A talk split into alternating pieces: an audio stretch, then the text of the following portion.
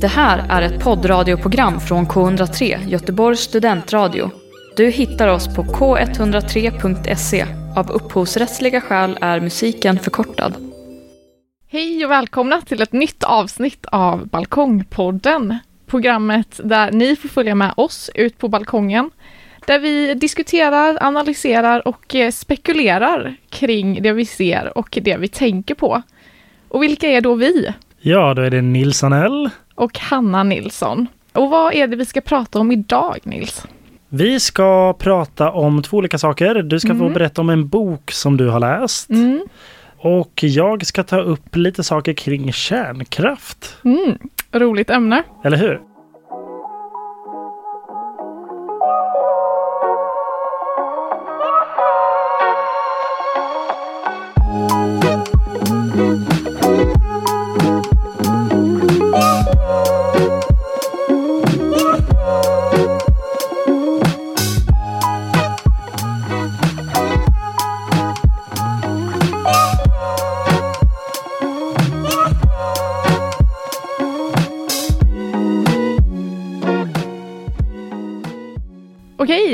Redo för lite, lite bokklubb idag då? Jajamän. Förutom att du inte har läst boken då, men jag mm. tänker att eh, jag ska berätta vad den handlar om.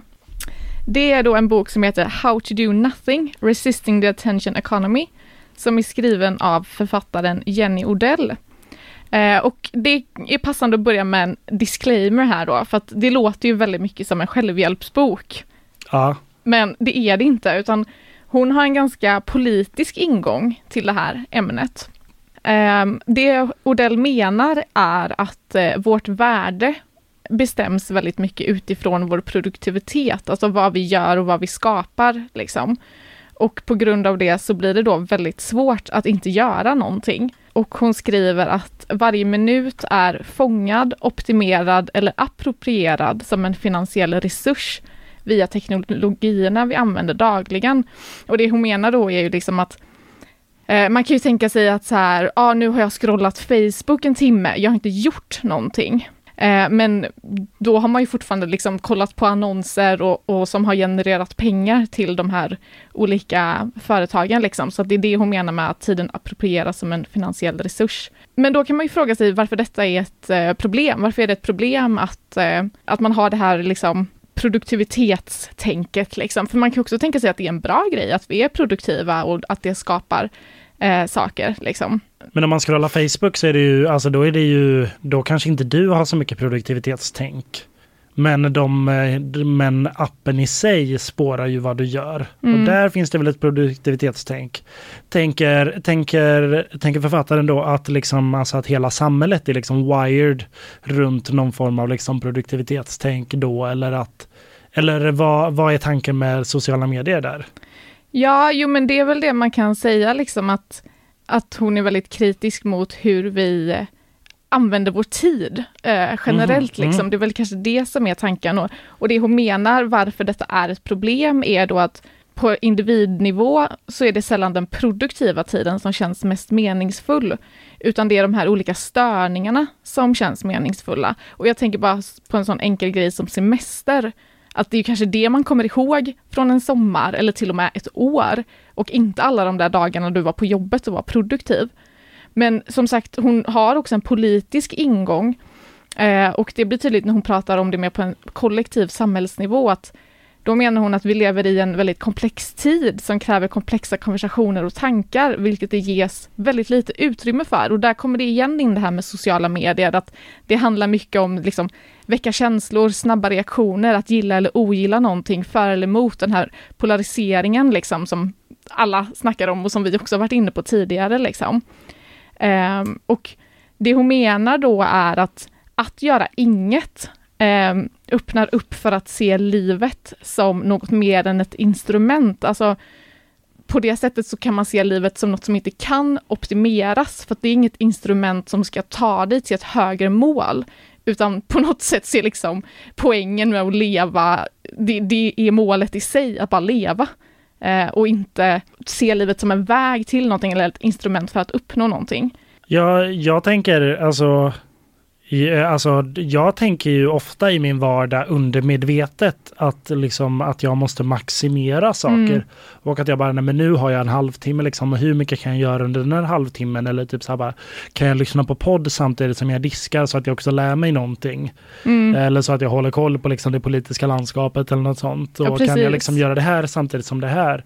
Och det här kan jag boka in den här tiden och sånt där. Jag känner ju ett starkt behov av att maximera saker alltså man slås ju ibland av den här tanken liksom, alltså vad är det man gör egentligen med mm. livet? Är det, det liksom, tänker jag att jag ska försöka maximera saker hela tiden? Eller Alltså, för, låter jag det liksom döda den här känslan av att nej, men livet också ska vara njutbart och härligt? Mm.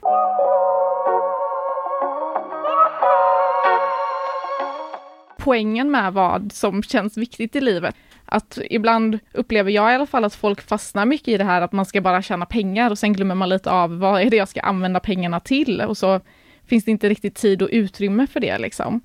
Eh, och jag tycker också det känns som en väldigt befriande tanke att livet handlar om något mer än liksom produktivitet och prestation och att hela tiden effektivisera och maximera det man gör. Eh, men jag tycker det är intressant det Odell säger just om uppmärksamhet och det fick mig lite att tänka på hur man också är ganska beroende av andras uppmärksamhet. Eh, speciellt liksom med sociala medier. Att ibland kan man ju nästan få känslan av att så här, finns det inte på Instagram har det inte hänt. Är det ingen som ser att jag gör det här? Eller ja, att, att om man inte får den bekräftelsen av andra så är det som att det nästan inte finns. Känner du igen det? Ja, eh, jo men eh, definitivt. Alltså det är ju så det är så man känner till vad andra personer har gjort nu för tiden. Mm. Det är ju väldigt få som, personer som ringer varandra nu för tiden och kollar hur det är, för man ser redan liksom vad som händer på sociala medier. Mm. Uh, och det är liksom, jag vet inte, jag, jag tänker att det är liksom så, det är också så om man upplever att man håller kontakt med många nu för tiden. Mm. Och då blir det ju på något sätt liksom, ja men har det inte hänt på Instagram så har det liksom inte, eller då har det bara hänt liksom för dig. Precis. Och det finns, jag vet inte, det, det jag skulle jag kan inte tala för alla, men det, det känns ju definitivt som att det, det värdet av att det bara har hänt för dig, eh, att det inte är alls lika stort som värdet av att dela det med andra på mm. sociala medier. Verkligen. Vilket på ett sätt är en underbar sak. Men eh, det, det, är ju inte, det kan ju vara problematiskt också. Ja, det kan ju göra att vissa grejer känns eh, obetydelsefulla när de verkligen är det. Alltså jag tänker lite på det här kända citatet, jag tänker alltså finns jag, att det är lite så här. René Descartes. Ja, precis. Uh, jag instagrammar, alltså finns jag. Men ja. jag tänkte om vi ska prata om det på lite mer en samhällelig nivå, vilket Odell gör väldigt mycket och som jag tycker är är väldigt intressant, liksom, att inte bara bli det här liksom, individuella fokuset på eh, vad man själv kan, ska göra eller inte ska göra. Liksom eh, så tänker jag att det också innebär att genom att ha den här synen på, på livet som något man måste optimera, liksom, så blir det ju på ett sätt som att man är så uppe i sitt eget liv och vad man producerar, att man inte riktigt hinner engagera sig i det samhället man lever i. Alltså jag tänker på, som vi har pratat om innan med liksom klimatförändringar och hela den frågan, men också bara liksom eh, rasism, könsdiskriminering, ojämlikhet, alla sådana frågor som kräver att man lite lägger sig själv åt sidan på ett sätt för att liksom enas för en större grej. Eh, att det är lite det, för det, det, blir liksom en fråga att säga, okej, okay, men genom att typ engagera mig i en miljörörelse, på vilket sätt optimerar det mitt liv? Liksom? Ja, att det blir någon form av liksom, alltså att det nästan blir en egoistisk liksom, eh, alltså ett egoistiskt sätt som man präglar sitt liv. Ja men precis. Efter. Och just att man ska tänka vad, vad är vinningen för mig i detta? Visst, alltså mm. sen en, en beboelig planet är ju väldigt trevligt liksom, men mm. rent krast kommer det ju inte riktigt drabba eh, mig som individ liksom. Eh, mm. i, i, lika hög utsträckning som, alltså det, det blir ett konstigt argument för att, för att engagera sig i den frågan. Tänker ja, jag. Men jag tycker ändå, alltså, jag tycker ändå det är väldigt många som engagerar sig på ett, alltså genom att de delar saker och sånt där i sociala medier till exempel. Men, men samtidigt kanske man inte lägger riktigt så mycket tid på det. Det är väl kanske det som jag tycker kan saknas mm. i ett sånt, när man har ett sånt riktigt optimeringstänk. Att det också ska liksom, jag vet inte det här liksom jag kan tycka att de här osynliga sakerna man gör för andra eller för ett gott syfte eller något sånt har liksom att det kan lätt försvinna. Mm. Utan ofta är det för att saker ska synas eller att man undermedvetet tänker att liksom, det, här, det här kommer också liksom synas och det här kommer se bra ut också. Mm. Att man gör att man, men, eh, Att men man lägger ju inte ett eh, djup, eh, alltså man lägger inte tid på ett engagemang på det sättet. Mm. Jag tänker att det är det som är liksom risken med ett sånt här eh, sätt att tänka, liksom, att det blir, det blir svårt och liksom ehm, ja, men allt det man gör för liksom en, en större kollektiv nytta, liksom, att det lite eh, tappar sitt värde för att det optimerar inte mitt liv personligen just här och nu. Liksom. Då är det bättre att lägga mer timmar på jobbet och så kommer det hjälpa min karriär och, och göra att jag tjänar mer pengar. Typ. Men Mm. det var intressant att du tog upp det här med att eh, bry sig om andra och så, för det tänker jag också är en, en del i det här att när liksom produktivitet eh, premieras eh, så högt, liksom, så blir det ju också ett ständigt nedvärderande av det reproduktiva arbetet. Alltså när det, när det inte produceras något nytt. Alltså allt som har med liksom Mhm. omsorg och omtanke och att, att bry sig om varandra att göra.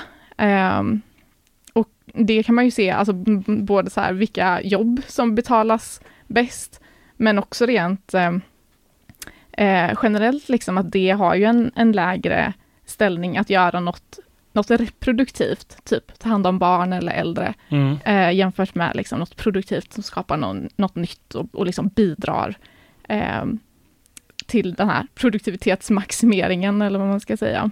Ja, precis. Hmm, intressant. Men det jag kan också tänka mig, om man ska tänka vidare och spinna vidare lite djupare på det här, så är det också alltså sådana liksom, eller alltså arbeten där man tar hand om varandra, eller om man bara ser på liksom så här typ, alltså när man tar tid i sin vardag för att ta hand om någon annan, Mm. eller att rikta fokus på någon annan. Eh, så alltså det, det ger ju sådana där långsamma effekter och goda effekter på ett sätt. Men det är, liksom, men det är som att det är lite, blir lite undervärderat för att vi lever i en värld av snabba kickar. Mm, ja, Eller vad precis. tänker du kring det? Alltså, det håller du med eller? Ja, jo men det håller jag med om och jag tänker också att det på något sätt skapar också ett samhälle där, där varje person är ganska isolerad liksom. Att man, Mm. man har det här egoistiska, självcentrerade tänket där man hela tiden tänker vad, vad ska jag göra för mig och inte vad kan jag göra för andra.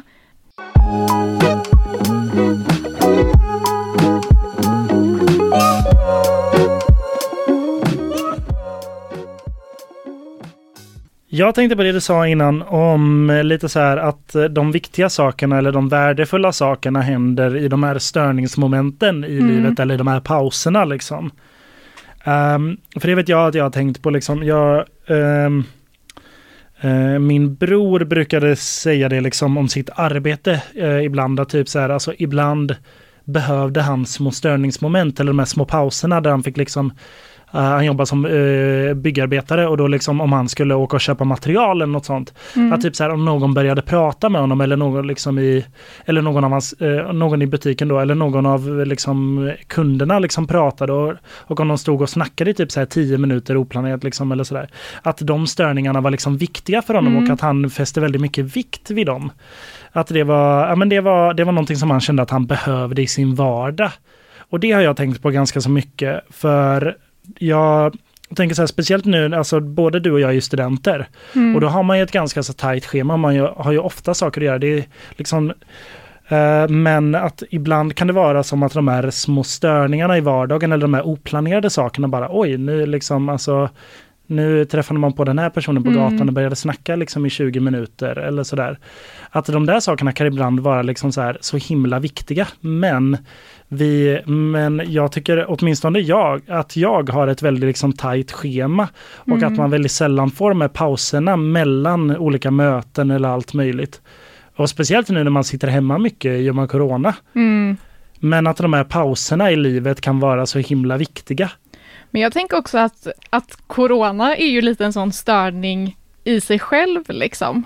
Att man, Ja. eh, alltså jag, jag är helt med på det du menar att när man sitter hemma, alltså bara är urklipp från en dag liksom, att det kanske inte är så, eh, så mycket liksom paus. Men om man tänker på corona i sin helhet liksom, så är det ju en jättestörning från att vara produktiv och eh, eh, allt det där liksom. Att, det är som att vi har, har tvingats till att inte göra någonting under det senaste året liksom. Och det känns ändå, eller jag upplever i alla fall när jag pratar med mina eh, vänner om, om det senaste året, att här, det har varit jobbigt på alla sätt, men det har också väckt nya tankar om vad är det egentligen som är viktigt i livet? Liksom, är det att ha ett maxat schema och hinna så mycket som möjligt? Eller är det att också typ ha tid att ringa en, en vän eller en släkting eller eh, kunna gå ut i solen på sin lunchrast typ? Eh, och att det ändå har väckt lite, lite sådana frågor. Känner du igen det? Ja men verkligen och typ så här, alltså, sådana saker som att typ så här, ta riktigt lång tid på sig att laga en god middag mm. eller att ta sådär, alltså bara Alltså Gör man sådana där saker som man drar, man drar man ner på liksom Vad ska man säga Drar man ner på tempot lite i vardagen och liksom ger sig tid till olika saker eller till att inte göra någonting eller läsa en bok liksom. Alltså mm. det, det, det, det känns som man gör det så himla sällan. Men när man, alltså när man gör det, alltså man, ja men jag tycker att de stunderna blir viktiga och man inser liksom vad det är man, vad det är man vill med livet och hur liksom, ja men att, ja men jag tror man, be, eller man behöver ju de där stunderna också. Mm. Ja, och, och, att det är det man kommer ihåg i efterhand liksom, eller jag tänker på det du berättade om din, din brorsa liksom, att efter den arbetsdagen, då kanske det är det där eh, tio minuters snacket han kommer ihåg, för att det var något utöver det vanliga. Eh, ja, det är ju inte alla saker man hann med som man hade på sin att göra-lista som man kommer komma ihåg. Nej, och det är inte precis. de som är viktiga heller, utan det är ju de här sakerna som händer emellan eller ja. Mm.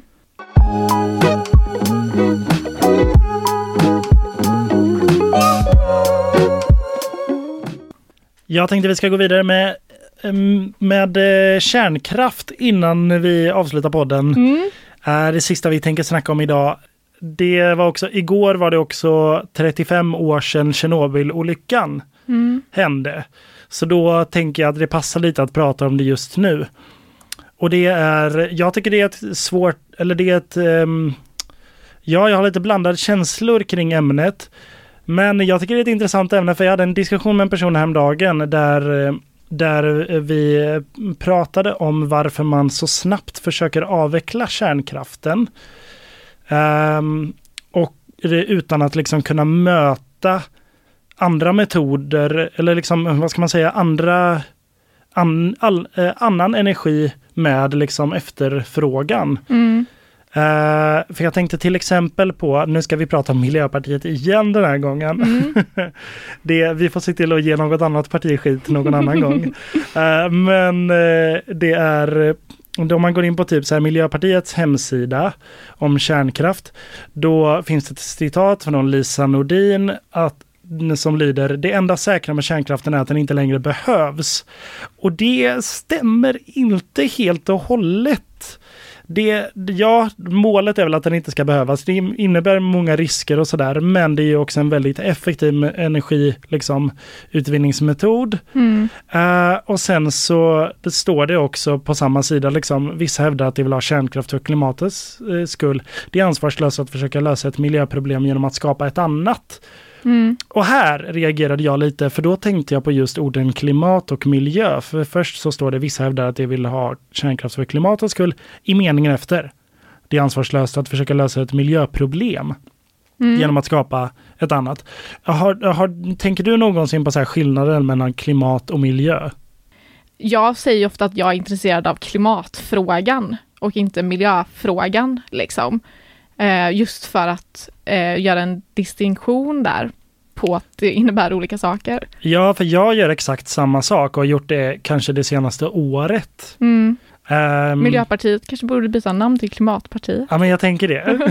vi, får, vi får skicka en sån, ett sånt förslag till dem. Precis uh, uppdatera sig lite. Okej, men vad är skillnaden då? Om du bara ska liksom... Ja, men eh, skillnaden är väl alltså klimat, miljö handlar ju mer om liksom hur det påverkar liksom naturen, mm. biologin och sådär. Klimatet, det handlar ju om liksom, ja men det, då tänker jag ju det globala klimatet mm. när jag säger klimatet.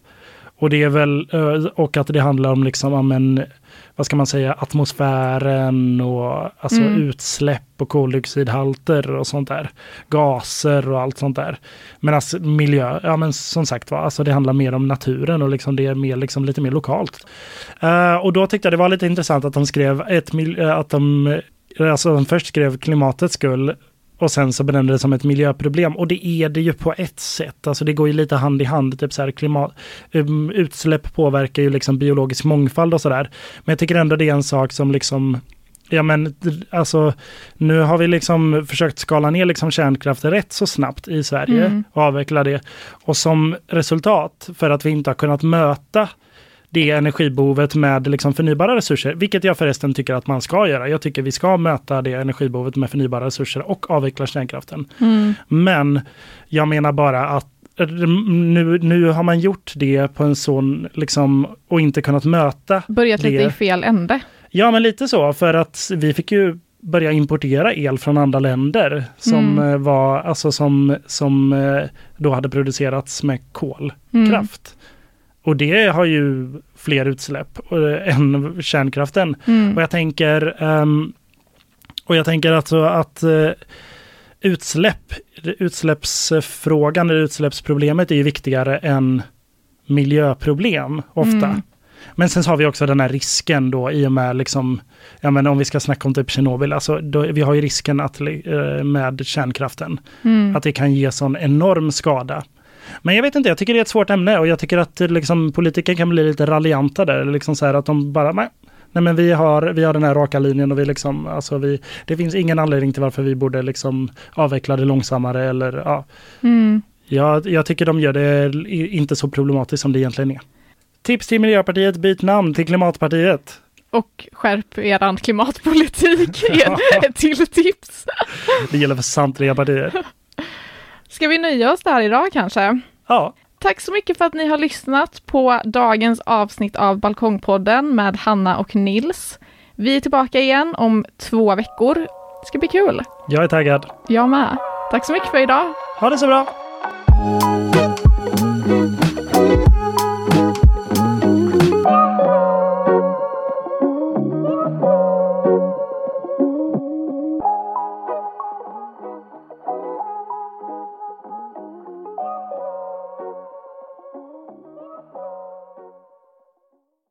Du har hört en poddradioversion av ett program från K103.